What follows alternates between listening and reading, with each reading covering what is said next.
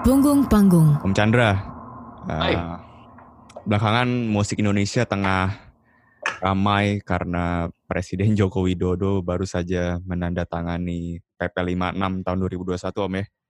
Ya, ya. Dan eh, saya pribadi sih cukup miris sih Om melihat respons banyak masyarakat atau netizen gitu Om ya terhadap ya. PP tersebut. Banyak sekali komentar-komentar negatif. Rame ya. iya Om. Saya sih ngelihatnya ini sih Om, ini selayaknya cerminan bahwa industri musik Indonesia untuk perihal hak cipta dan royalti itu masih keterbelakangan banget gitu. Apalagi kalau kita bandingkan dengan Amerika gitu yang udah lebih Eh. dari 100 tahun kali Om ya mereka ngurusin lewat lembaga ASAP atau BMI gitu. Dan Escape. Ya ASCAP. Iya. Dan sebenarnya ketika hiruk pikuk itu tuh saya selalu ingat Iya. dan salut sama Om Chandra Darusman gitu yang selain aktif Gitu ya. selain aktif sebagai musisi bersama Casero ataupun Karimata, Om Chandra juga selama puluhan tahun eh, fokus terhadap terhadap hak cipta dan royalti ini di Indonesia gitu Om. Nah sebelum kita ngebahas si PP 56 ini Om, mungkin saya tarik mundur sedikit Om ya, Ya. ke Oke. aturan pemerintah tentang hak cipta ini yang pertama kali ada di Indonesia itu tahun 82 Om ya kalau nggak salah ya. Undang-Undang nomor itu 6 ya. undang-undangnya. Heeh, itu undang-undangnya, betul. Om Chandra Nah, masih kenapa? ingat nggak ketika itu pertama kali undang-undangnya pertama kali muncul yang tahun 82 itu Mm.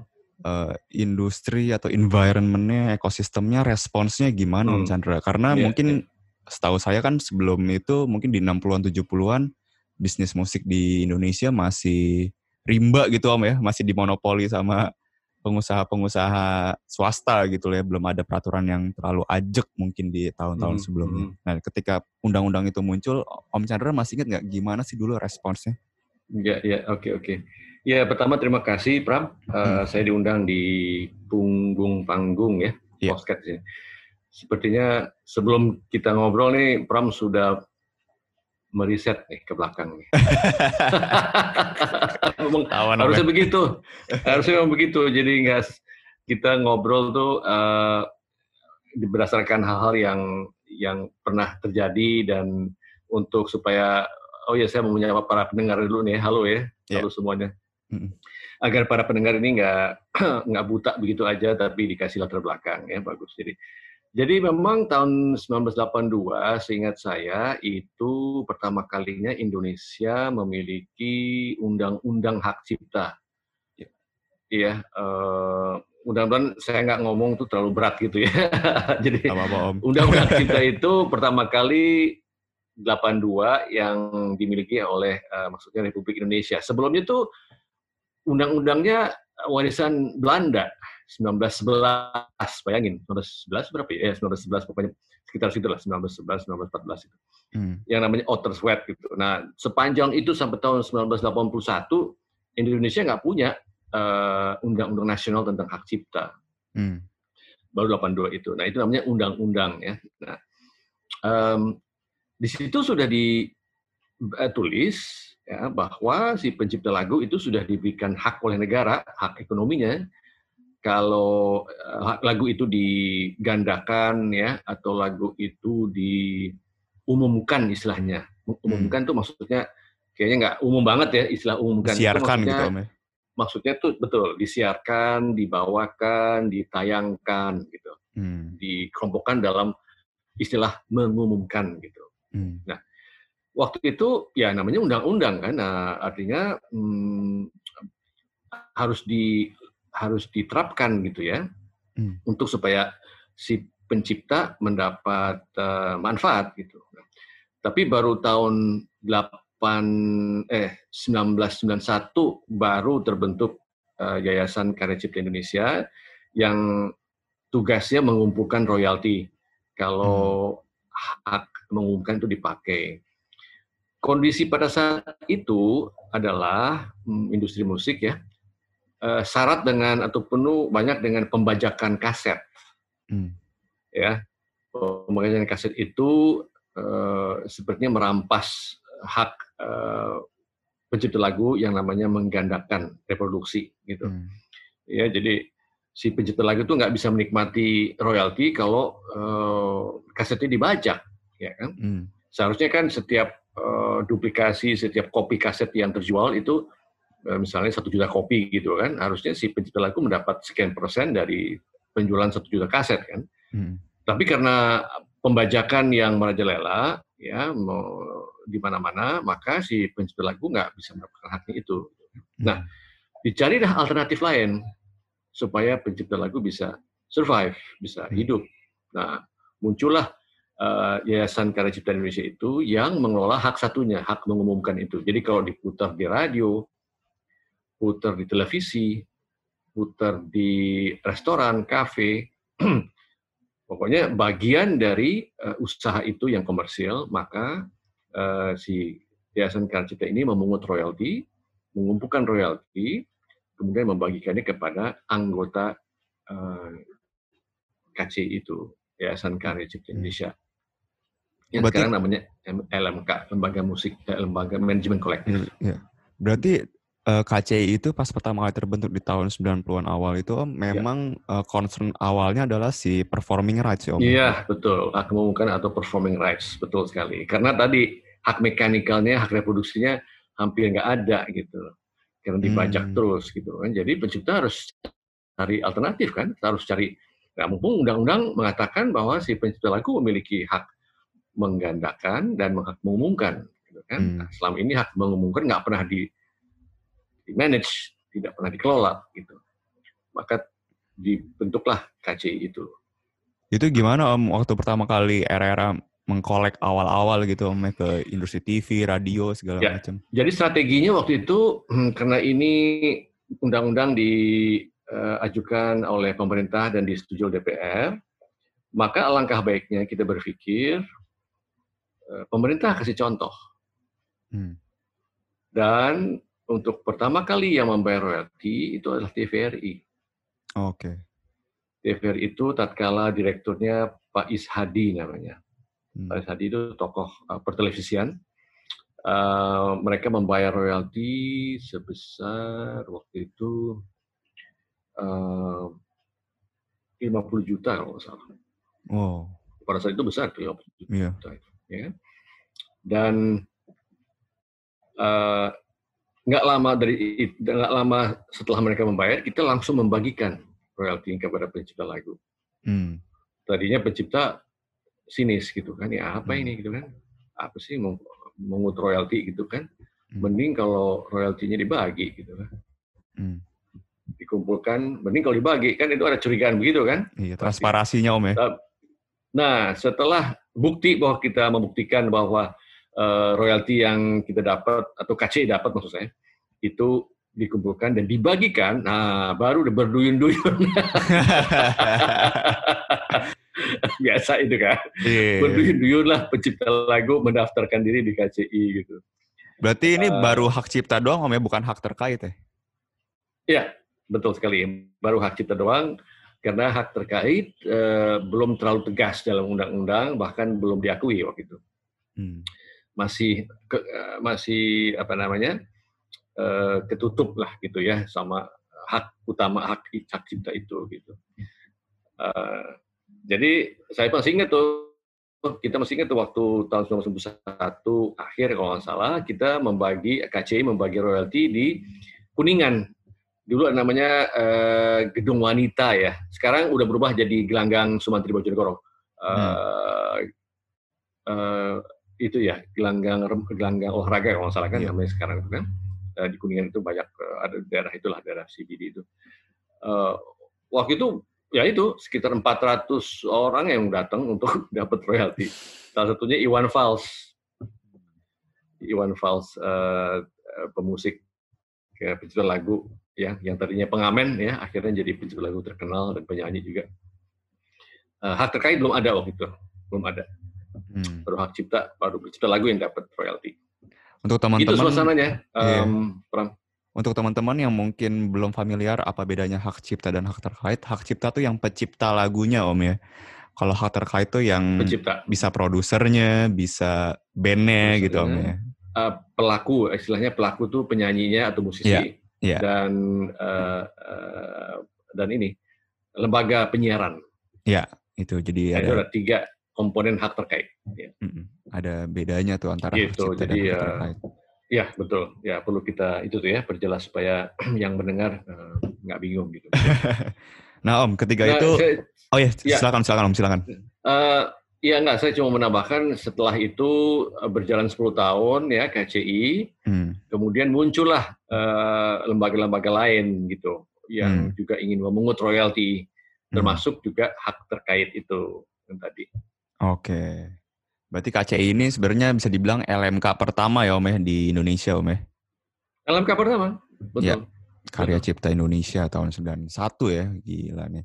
Udah satu, betul. Om Chandra udah membantu mengkolek hak cipta karya karya musisi ini dari tahun Tukang 91. tagih, tukang tagih, Om, saya sempat tukang baca eh, bahwa Indonesia ini menjadi anggota dalam perjanjian hak cipta internasional nih Om. Ada dari ada TRIPS, betul. ya, ada WCT, WPPT gitu Om ya. Mungkin saya sebagai Mhm. orang awam bisa jelaskan nggak sih Om apa sih Mhm.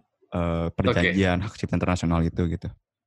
Ya, eh, oke. Ini coba saya cari kata-kata yang paling gampang gitu ya. Gini gini. Eh, ah, gini. Undang-undang hak cipta itu hanya berlaku di Indonesia. Hmm. Jadi pencipta lagu, ya, eh, kemudian penulis buku, pembuat lukisan dan lain sebagainya. Pokoknya yang kreator lah gitu ya. Mm-mm. Itu dilindungi hanya di Indonesia. Hmm. Pertanyaannya, gimana kalau lagu kita diputar di Malaysia atau Hmm. buku kita diedarkan di Jepang gitu? Hmm. ya mesti ada perjanjian kan mesti ada perjanjian internasional kan artinya perjanjian itu menghendaki agar supaya masing-masing negara itu melindungi kreator dari negara masing-masing di wilayahnya misalnya dengan Indonesia masuk dalam perjanjian internasional maka Indonesia harus juga melindungi kreator asing di Indonesia. Sebaliknya, kalau ada eh, kreator Indonesia itu dipakai di Malaysia atau di Jepang atau di Amerika, mereka pun harus melindungi kreator Indonesia yang lagunya dipakai di sana. Nah, makanya ini perjanjian ini, kesepakatan ini dituangkan dalam perjanjian internasional. Gitu. Nah, perjanjian internasional yang paling penting yang menjadi ibu dari sebuah semua perjanjian internasional namanya Bern Convention, Bern Convention, Ya. Bern Convention. Nah, eh, Indonesia itu baru masuk ke perjanjian Bern Internasional itu tahun 96 kalau nggak saya nggak salah. Nah, yang tadi Pram sebutkan WCT, TRIPS ya itu juga perjanjian internasional, tetapi khususnya kalau WCT atau WIPO Copyright Treaty Ya. itu mengatur penggunaan di internet. Nah, Hmm. Kalau Bern Convention itu belum ada teknologi internet waktu itu waktu dibuat gitu. Hmm. Maka dia harus di dengan perkembangan teknologi ya harus ada perjanjian lagi bahwa Dimodifikasi gitu Om ya. dimodifikasi, diperbarui ya dengan memasukkan unsur teknologi internet gitu bahwa eh, sekalipun di internet maka setiap negara juga harus melindungi karya eh, negara asing gitu. Itu yang Hmm. namanya kalau istilah ini ya, istilah hukumnya ya itu national treatment. Jadi kita mentreat, kita melayani kreator asing sebagaimana kita melayani kreator nasional gitu. National Hmm. treatment gitu. Oke. Nah Om, dari Ya. eh, Undang-Undang Nomor 6 Tahun 82 sampai tadi dimodifikasi Hmm. jadi Undang-Undang Nomor 28 ya 2014 Om gitu ya. Ya, ya. Sekarang ya, sekarang terakhir 28 tahun 2014. Iya, itu sudah berarti 32 tahun ya ini terus Iya. berjalan, Heeh. banyak perubahan, banyak modifikasi gitu Om ya undang-undangnya. Mm, mm. Itu sebenarnya eh, kenapa sih Om kita ini masih juga belum concern, belum fokus, Hmm. eh, sistemnya belum rapi untuk mengkolek hak cipta itu selama Hmm. 30 tahun lebih ini gitu. Iya. Om Chandra gimana? Iya, ya, jadi eh, sebenarnya kemajuan tuh banyak ya. Hmm. Dalam arti dari segi eh, pengumpulan itu royaltinya makin naik makin naik gitu. Hmm. Saya masih ingat tahun 91 itu tahun pertama KCI mengumpulkan sekitar 495 juta. Hmm. Kemudian naik tahun berikut 790-an, naik lagi tahun ketiga jadi 1,2 miliar. Hmm. Ya. Sekarang ya royalti yang berhasil dikumpulkan oleh LMKN itu 80 miliar. Hmm. Ya. Dari segi itu saya lihat sih saya anggap ada kemajuan gitu ya. Semakin banyak yang membayar gitu. Hmm. Walaupun 80 miliar itu juga termasuk untuk uh, untuk uh, penyanyi, produser dan Hmm. pencipta lagu, ya kan? Ya. Jadi dibagi tiga lah itu. Dulu dibagi hanya pencipta lagu aja, sekarang. Tapi dari 1,2 miliar, dari 490 juta tahun pertama, setelah 32 tahun ya, Ya. itu menjadi 80 miliar. Hmm. Ini eh, bisa dikatakan suatu kemajuan ya, menurut hemat saya ya, dari segi pembayaran royalti. Gitu. Nah, yang sekarang menjadi em, menjadi PR kita bersama adalah membagi royaltinya lebih baik dan lebih eh, transparan. Itu tantangan ke depan. Karena saya rasa berbagai komentar negatif tentang PP 56 tuh ke situ arahnya. iya. Sinis-sinis gitu om ya. Itu biasa itu ya kan. Ya, Habis kita hidup di era ini sih ya, era yang gimana ya penuh ke- eh, penuh kezaliman sih ya. Ada yang korupsi lah, ada Iya yang betul. Betul betul om. bansos dikorupsi, Iya. boro-boro royalti bansos saya dikorup. iya iya benar-benar. Makanya mindset dari masyarakat tuh kayaknya aduh ini gimana sih gitu kan. Hmm. Ngada-ada lah, ke mana uangnya gitu kan, transparansi nggak ada. Ya kita harus memahami mindset itu, gitu kan. Hmm. Sehingga kita semua tertantang untuk membuktikan ya, pantas nggak ya LMKN ini dipercaya, didukung, dikembangkan, nah, harus dibuktikan gitu kan. Nah PP 56 kalau saya boleh loncat nih agak fast forward, saya fast forward dikit, salah satu tujuannya itu ya untuk lebih transparan, lebih benar distribusi. Bukannya nggak nggak bukannya nggak dibagi ya selama ini royaltinya dibagi, Hmm. tapi sepertinya kurang akurat dan kurang eh, kurang adil gitu karena ada yang eh, belum dapat gitu, ada yang berhak tapi belum dapat gitu. Hmm. Nah ini karena gara-gara nggak ada database yang terpercaya, yang komprehensif. Ya. Hmm. Eh, saat ini ada 8 LMK. Bayangin, ada 8 LMK. Masing-masing punya database sendiri-sendiri. Hmm. Ya. Nah ini mau dikumpulkan dalam satu national database. Gitu. Agar supaya eh, miliaran rupiah yang dikumpulkan itu bisa dibagi secara baik dan transparansinya lebih baik. Ngomong-ngomong, sebenarnya 80 miliar itu tahun 2019 ya. Tahun 2020 turun gara-gara COVID. Covid Ya. Om. wajar lah banyak Hmm. yang gara-gara pandemi ini bisnis jadi turun ya sehingga pembayaran juga seret dan Hmm. lebih kecil. Wajar lah. Dan mudah-mudahan dari 2021 ke depan nanti mulai naik lagi, tapi saya rasa sih baru 3-4 tahun ya, baru bisa mencapai 80 miliar lagi. Lumayan recovery-nya lumayan lama nih om ya. Sepertinya gitu ya. Makanya Iya sih. podcast ini sukses nih kayak begini-begini nih.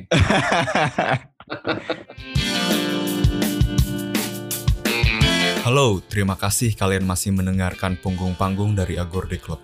Jika kalian menyukai siniar ini atau apa pun yang Agorde Club lakukan, dan berharap ini berkelanjutan, silahkan kunjungi laman Agorde Club di situs saweria.com atau karyakarasa.com untuk beri dukungan berupa donasi. Kalian bisa langsung klik link di bio Agorde Club. Dukungan kalian sangat berarti. Nah, Om Chandra, eh, ini mungkin teman-teman banyak yang masih belum familiar juga dengan eh, lembaga manajemen kolektif. Jadi teman-teman LMK ini adalah sebuah lembaga yang menaungi atau dalam tanda kutip bertanggung jawab untuk mengkolek hak cipta para musisi gitu ya. Dan mungkin pertanyaan saya ini sih Om, ada LMK, Lembaga Manajemen Kolektif, ada LMKN, Hmm. Lembaga Manajemen Kolektif Nasional. Hmm. Ya. Ini bedanya apa dan seperti apa sih hubungan antara keduanya Om? Oke. Jadi LMK itu uh, singkatan dari Lembaga Manajemen Kolektif, suatu lembaga yang dibentuk uh, berbadan hukum ya, perkumpulan, untuk menghimpun para pemilik hak cipta dan hak terkait. Hmm. Jadi misalnya saya anggota salah satu LMK Pram juga kalau pencipta lagu juga bisa atau penyanyi bisa menjadi salah satu anggota LMK ya mereka menghimpun para anggotanya untuk uh, melaksanakan kuasa yaitu mengkolek royalti. Hmm. Ya. Tetapi ada masalah. Di Indonesia ini ada delapan LMK. Bayangkan kalau uh, satu restoran ya, itu didatangi oleh delapan eh, petugas dan masing-masing menagih sendiri-sendiri. Hmm. Pusing kan para pemilik restoran, ya. Maka maka dibentuk LMKN. Hmm. LMKN yang berfungsi sebagai koordinator, ya salah satu fungsinya ya LMKN, koordinator dari pengumpulan delapan LMK ini. Jadi one stop shop Artinya si restoran tadi hanya didatangi oleh satu pihak dibandingkan kalau didatangi oleh delapan pihak gitu. Hmm. Jadi restoran bisa fokus ke bikin makanan enak lah gitu kan, nggak mikirin lain-lain gitu. Jadi LMKN ini di koordinir, mengkoordinir pengumpulan royalti atas delapan pihak itu sehingga restoran hanya didatangi oleh satu petugas, yaitu dari LMKN, eh, LMK nasional tadi. Simpelnya begitu. Jadi koordinator lah Om Chandra gitu ya. Koordinator. Iya. Oke oke. Gitu. Nah kita mungkin bahas si nah, PPN. Itu kemajuan eh, ya? Kemajuan Om ya? Itu kemajuan. Boleh kemajuan. Dari delapan delapan yang petugas yang nggak jelas misalnya ada yang ada-ada atau apa sehingga tinggal satu aja yang lagi. Oke oke oke. Nah Om, kita bahas PP nomor 56 nih Om yang okay. beberapa minggu lalu baru saja ditandatangani oleh Presiden Joko Widodo. Ya. Menurut Om Chandra sendiri, kenapa baru sekarang gitu si PP dalam peraturan yang lebih detail gitu ya, baru sekarang diresmikan gitu?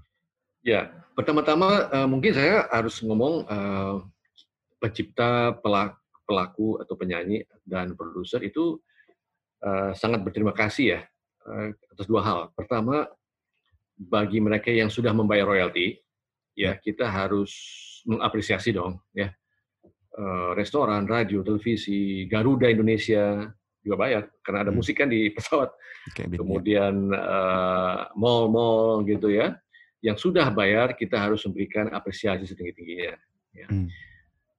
Tetapi masih ada yang belum membayar, ya hmm. kan? Nah, salah satu tujuan dari PP 56 ini adalah mengingatkan bagi mereka yang belum bayar itu bayar dong gitu kan mengikuti yang sudah membayar gitu kan. Ya orang yang sudah bayar kan juga nggak enak dong. Gimana sih? Gua bayar, yang lain nggak bayar gitu kan nggak enak juga kan. Rasanya, aduh, mending gue usah bayar deh gitu kan. Iya, iya. Yang lain nggak bayar gitu. Bahkan salah satu tujuan PP 56 itu kan diurut tuh ada 14 kategori tuh. Iya. Ya, jadi mengingatkan 14 kategori pengguna lagu itu agar bayar dan meminta lisensi kepada LMKN itu. Ya, itu salah satu tujuannya. Jadi kalau ditanya kenapa baru sekarang, ya dari dulu sih udah. Cuma sekarang cuma reminder aja bagi mereka yang belum gitu. Oke. Okay. Nah, kalau pernah baca lagi juga PP-nya, itu di tengah-tengah pasal berapa saya lupa, ditulis bahwa pemerintah akan membentuk atau akan membangun pusat database lagu dan musik. Hmm tadi kan kita ngomong soal masing-masing LMK punya database sendiri-sendiri kan. Iya. Jadi processing data processingnya akan rumit gitu kalau terus terus menerus begini. Sehingga pemerintah punya inisiatif untuk membangun uh, database lagu dan musik dan juga akan dibangun aplikasinya. Hmm. Aplikasinya. Jadi searchingnya, penghitungannya dan lain sebagainya yang namanya SILM sistem informasi lagu dan musik. Hmm. Buat apa ada database dan buat apa ada aplikasi yang namanya SCLM atau SILM, jelek banget ya. Bunyinya SILM, nggak ada yang lain gitu.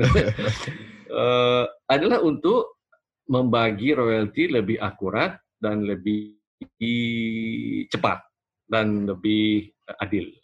Ya. Karena kalau kita punya sejumlah uang, kita mau membagi, harus ada dasarnya kan? Iya. Membagi itu apa? Nah, dasarnya adalah nama pencipta, nama lagu, nama penyanyi, nama produsernya, yang betul-betul digunakan oleh si user, oleh si pengguna. Gitu. Hmm. Jadi uh, PP 56 ini sebenarnya kalau kita mau eh, cool aja gitu ya, membaca secara cool gitu, netral gitu, kalau dilihat-lihat dipikir Eh, berguna juga sih buat uh, buat baik itu si pemilik hak cipta maupun juga para pengguna dan masyarakat gitu kan hmm. bahwa mudah-mudahan dalam 2-3 tahun ini transparansi akurasi itu bisa diperbaiki dan ditingkatkan gitu. Hmm. Nah kalau saya rasa mudah-mudahan yang mendengar ini yang tadi berkomentar negatif paling tidak nggak berkomentar lagi.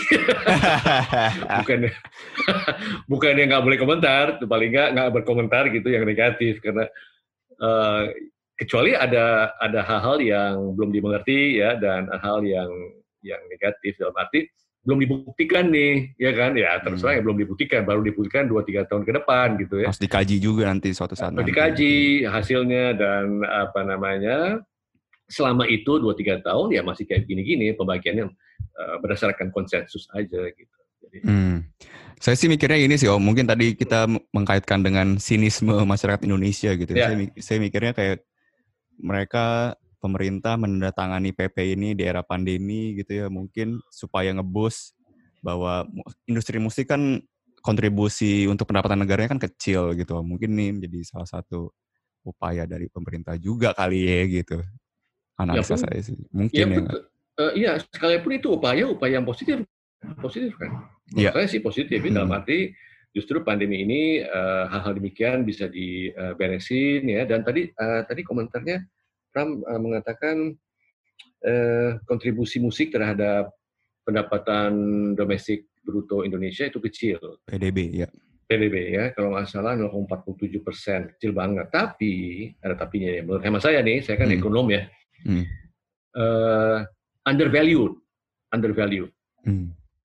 Karena metodologinya yang dipakai itu tidak bisa, tidak sempat menghitung kegiatan-kegiatan musik di pelosok-pelosok hmm. yang juga hmm. menghasilkan itu. Karena kemampuan dari metodologi itu maupun BPS itu nggak menjangkau, nggak mendeteksi uh, kegiatan musik di pelosok-pelosok di, di yang hal mana terjadi transaksi gitu, hmm. ya kan? ya di Indonesia ini ya saya ambil contoh ya uh, waktu itu pernah ada festival A Mild band A Mild ya hmm. di beberapa provinsi itu ternyata kalau dihitung ya di Indonesia ini ada 800 ribu band loh. Hmm. Kebayang nggak? Uh, eh, 800 ribu band itu ngapain aja. Transaksinya seperti apa aja gitu. kebayang gak? Saya kebayang. Saya sih nggak, udah gila. Nah, ini nggak masuk itu kan dalam dalam studi tadi, studi yang saya bilang uh, kontribusinya 0,47 persen. Jadi seharusnya lebih. Gitu. Belum lagi tenaga kerja. Gitu. Tapi oke okay lah, poinnya adalah bahwa bagaimana musik bisa berkontribusi terhadap pendapatan pemilik hak cipta maupun negara kan. Poinnya itu kan yang harus kita hmm. tingkatkan. Oke Om.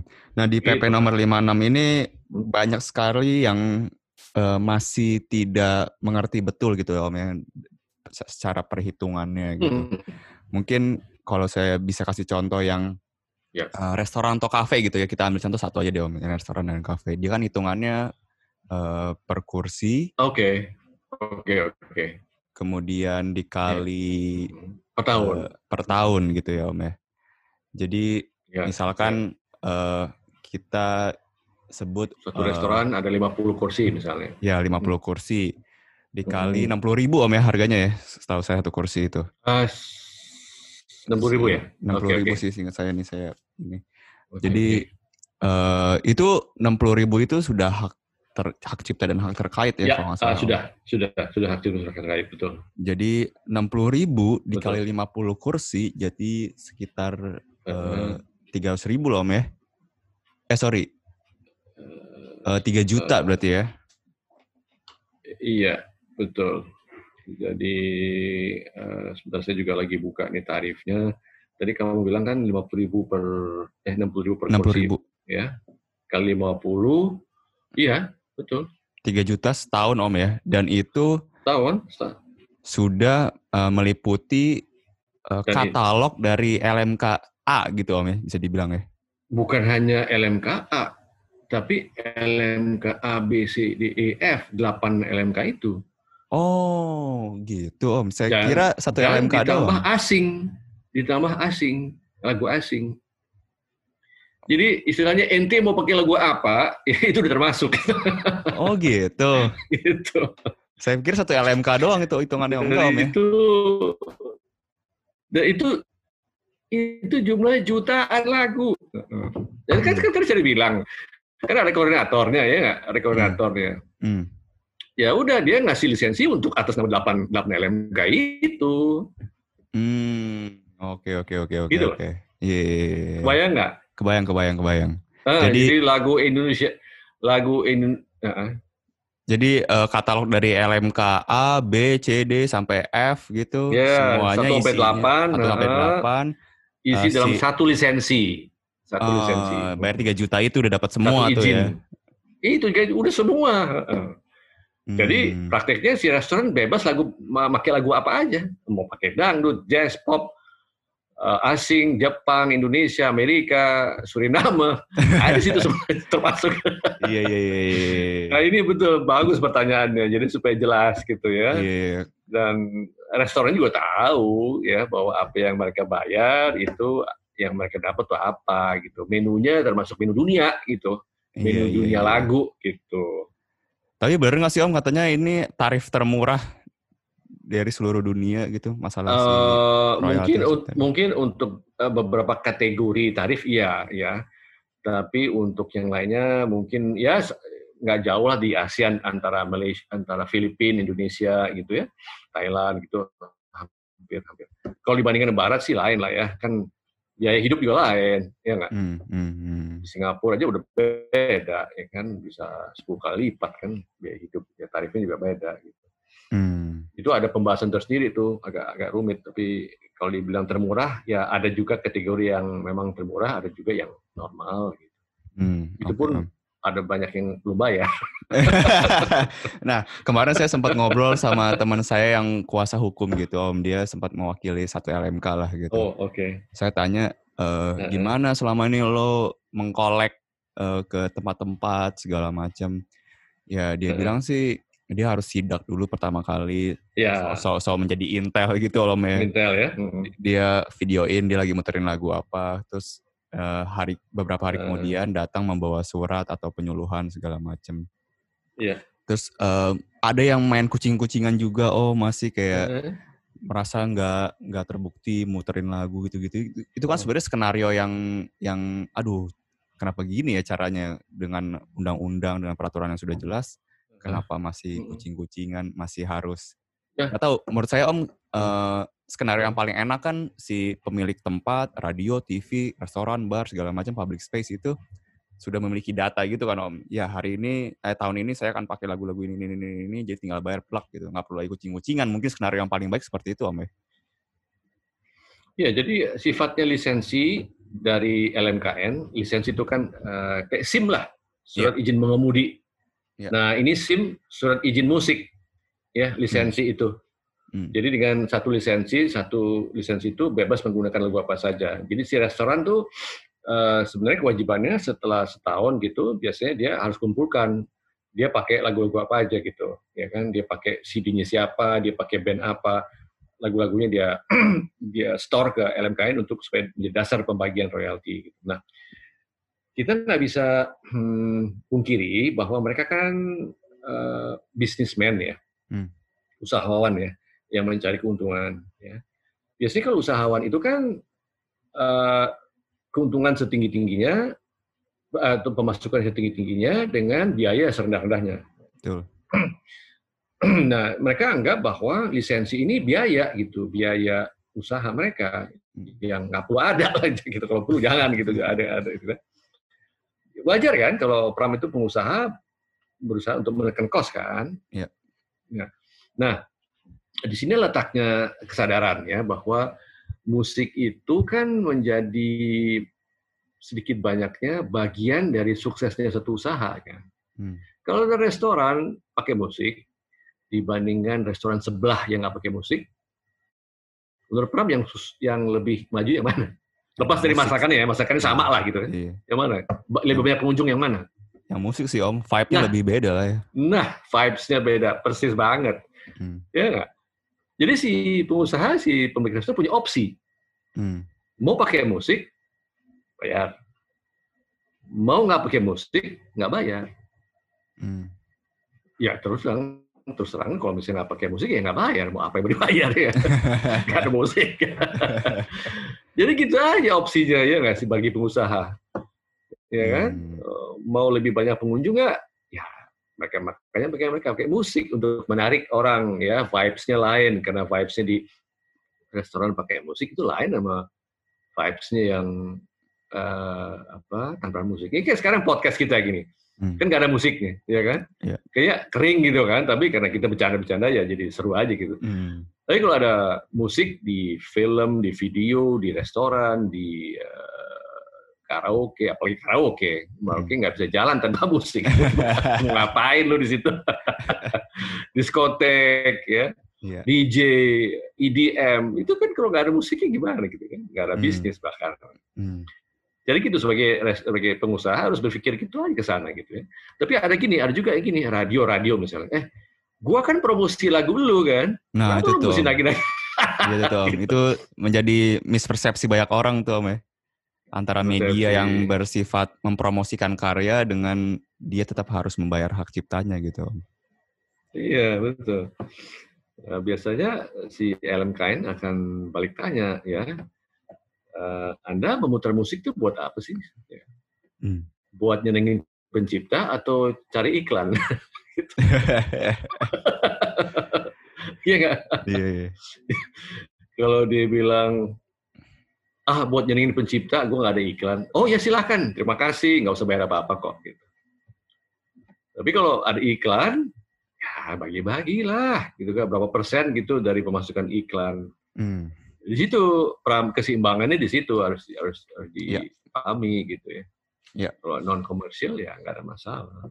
Nah kalau radio ini hitungannya uh, ini ya iklan tahun sebelumnya ya dikali harusnya harusnya presentasi tarifnya gitu. Dan sebenarnya hitungannya harusnya jatuhnya begitu. murah sih om ya. Saya sih ngelihatnya. Nah, setelah tahu, ngomong ya kan. setelah setelah tahu itu meliputi 8 LMK gitu kayak ya murah sih harusnya gitu ya. Iya, betul. Nah, Om, untuk si musisi sendiri deh sekarang kita uh, switch angle-nya sebagai musisi yang ingin mendaftarkan karyanya ke LMK gitu. Mungkin untuk okay. Uh, okay. pop music uh, untuk uh, yang genrenya pop yang lebih populer uh, bisa dibilang investment untuk uh, daftar di LMK itu masih worth it lah gitu. Beda kalau dengan band yang hmm. segmented banget gitu Om ya, yang mungkin yang denger cuman ya baru-baru band baru lagi gitu ya. Mereka harus invest hmm. satu karya itu tujuh ratus ribu loh Om ya kalau nggak salah ya. Untuk uh, hakinya. Oh, uh, ini mixed up nih, ini mixed up dikit. Jadi gini, uh, untuk mendaftarkan diri ke LMK itu gratis. Hmm. Ya, uh, eh, LMK mana pun gitu ya, yang 1 sampai 8 itu gratis ya. Mendaftarkan diri ya, dengan yeah. karyanya gratis. Uh, walaupun demikian, kalau mereka dapat royalti, itu dipotong komisi buat si LMKN. Iya. Yeah. Nah, yang 700 ribu itu sebenarnya adalah kalau seseorang ingin mendaftarkan lagu di pemerintah. Hakinya, di, gitu ya? Haki. Hmm.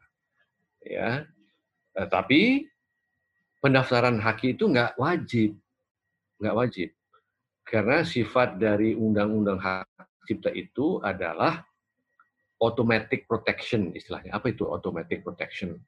Begitu sebuah lagu dikumandangkan, dipublikasikan, maka pelindungan hak cipta langsung berlaku, langsung dijamin negara gitu, hmm. tanpa harus mendaftar.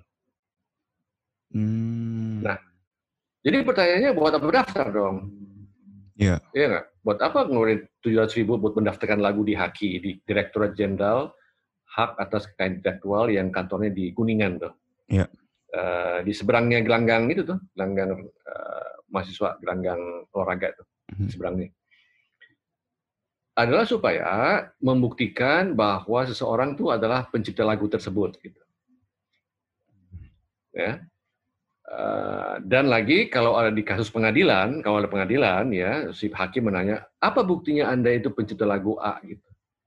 Ini Pak Hakim, pendaftaran saya di HAKI, sertifikat hak cipta. Oh oke oke, Anda yang punya lagu, oke kita akui. Gitu. Itu gunanya. Walaupun ya kalau seseorang bisa membuktikan bahwa dia adalah pencipta lagu A, ya itu bisa juga tanpa sertifikat. Ini hanya menguatkan aja gitu. Sebagai instrumen pendukung lah. Mendukung berkas-berkas kalau Hitam di atas putih lah gitu hitam atas putih, kalau ada kasus di pengadilan, kalau ada tuntut menuntut, ya itu bisa memakai sertifikat hak cipta itu. Hmm. Yang harganya tadi sekitar, tapi sekarang udah turun kayaknya itu untuk eh, lagu dan akan Hmm. diturunkan, akan diturunkan. Saya dengar begitu ya, Mm-mm. karena saya bukan bukan otoritas kan, bukan pemerintah kan, tapi saya dengar harga pendaftaran lagu itu untuk mensukseskan pembangunan database lagu dan musik itu akan di diturunkan tarifnya. gitu. Jadi Hmm. gitu, Pram. Mendaftar ke LMK itu gratis, tapi kalau mau mendaftarkan lagu di Haki di pemerintah itu bayar 700 ribu. Oh, Dan- Oke. Dan eh, nggak usah semua lagu didaftar. Misalnya Pram punya 100 lagu, yang hits ada 5-6. Yang itu aja daftar gitu kan. Yang Hmm. kemungkinan kalau ada sengketa itu Lebih mudah ya. 6 lagu itu Mm-mm. bisa diamankan gitu. Hmm. Berarti saya luruskan nih Om ya, berarti ketika kita mendaftar ke LMK, ki- kita tidak perlu, saya pikir tuh eh, pendaftaran hak itu persyaratan untuk eh, di LMK enggak ya Om ya? Gratis ya. Cuma nanti ada kompensasinya dengan LMK ketika Ya ada komisi ya, LMK motong komisi ya dia mesti bayar pegawai kan? Iya. Dia mesti bayar pegawai, dia mesti bayar tim survei tadi itu si siapa yang petugas eh, LMKN dia mensurvei dulu gitu kan. Hmm. pakai musik nggak nih karaoke nih? Ya karaoke pastilah. Restoran ataupun kafe pakai musik nggak? Ah, pakai. Nah baru dikirim tagihan ke sana. Hmm. Lucu kan kalau nggak pakai musik ditagih. Sepi juga tuh tempat pasti. Nah Om, tadi udah ngebahas yang masalah sentral eh, digital archive nih dari eh, PP nomor 56 ini. Mengoleksi, bukan mengoleksi sih, ya, mengumpulkan database eh, musik secara sentral gitu ya dari PP 56 ini. Om Chandra sendiri seberapa ya, seberapa central- optimis? Centralized database. Om Chandra sendiri seberapa optimis sama Ya, saya tarik. Ya, saya tadi mau menjawab, saya tarik nafas dulu nih. ya, karena hal ini nggak gampang, nggak gampang sama sekali gitu. Karena kebayang nggak sekarang ada 8 LMK. Mereka punya database sendiri-sendiri dengan format sendiri-sendiri, ya, dan akurasi yang perlu kita cek. Karena gini, sebelum saya menjawab pertanyaan tadi, ada aja di antara teman-teman kita kita ini yang yang yang daftar sini, daftar sono gitu. Hmm. Daftar di LMKA, juga daftar di LMKB dengan harapan dapat dua kali loh artinya. Woi, ke mana aja lu gitu kan? Woi. nah, ini mesti diberesin tuh satu ya. Ini harus dibersihkan dulu datanya. Ya. Nah, yang kedua, kembali yang saya bilang tadi, masing-masing punya format sendiri, kolom-kolom sendiri, eh, sel data sendiri. Ini harus dibikin dulu formatnya secara secara nasional Template-nya Ya. gitu ya. template-nya betul template-nya harus disepakati nah ini nggak gampang bikin template yang semua disepakati ya kan bagaimana mencatat satu band ada empat orang itu empat empatnya mesti dimasukin dong gitu ya kan Hmm. jadi eh, ini bisa dilakukan cuma memerlukan extra effort dan eh, kolaborasi semua pihak ya untuk mensukseskan database ini termasuk juga senimannya gitu ikut mendukung gitu kan kalau belum selesai udah di dikejar diserang-serang ya susah dong ya Ya, nggak nggak bagus gitu kan. Ini kita membangun, ini membangun untuk kita bersama dong, bukan untuk siapa-siapa gitu ya. Untuk ke indie, untuk ke mereka yang top, mereka yang belum top, mereka yang dangdut, jazz, apa segala macam. Jadi suatu PR yang besar, besar. Dan kalau nggak didukung oleh semua pihak ya susah gitu.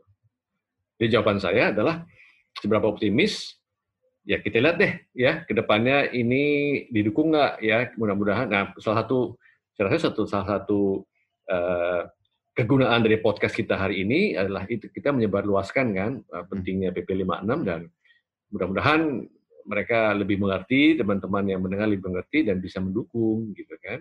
Kalaupun tidak belum mau bergabung, mau mendaftar ya nggak apa-apa. Jangan menafikan yang lain yang mau yang mau bergabung Betul. gitu kan. Ya. Kita lihat aja, wait and see aja bagi mereka yang masih ragu-ragu, wait and see aja gitu kan. Hmm. Cuman saya kasih ilustrasi gini.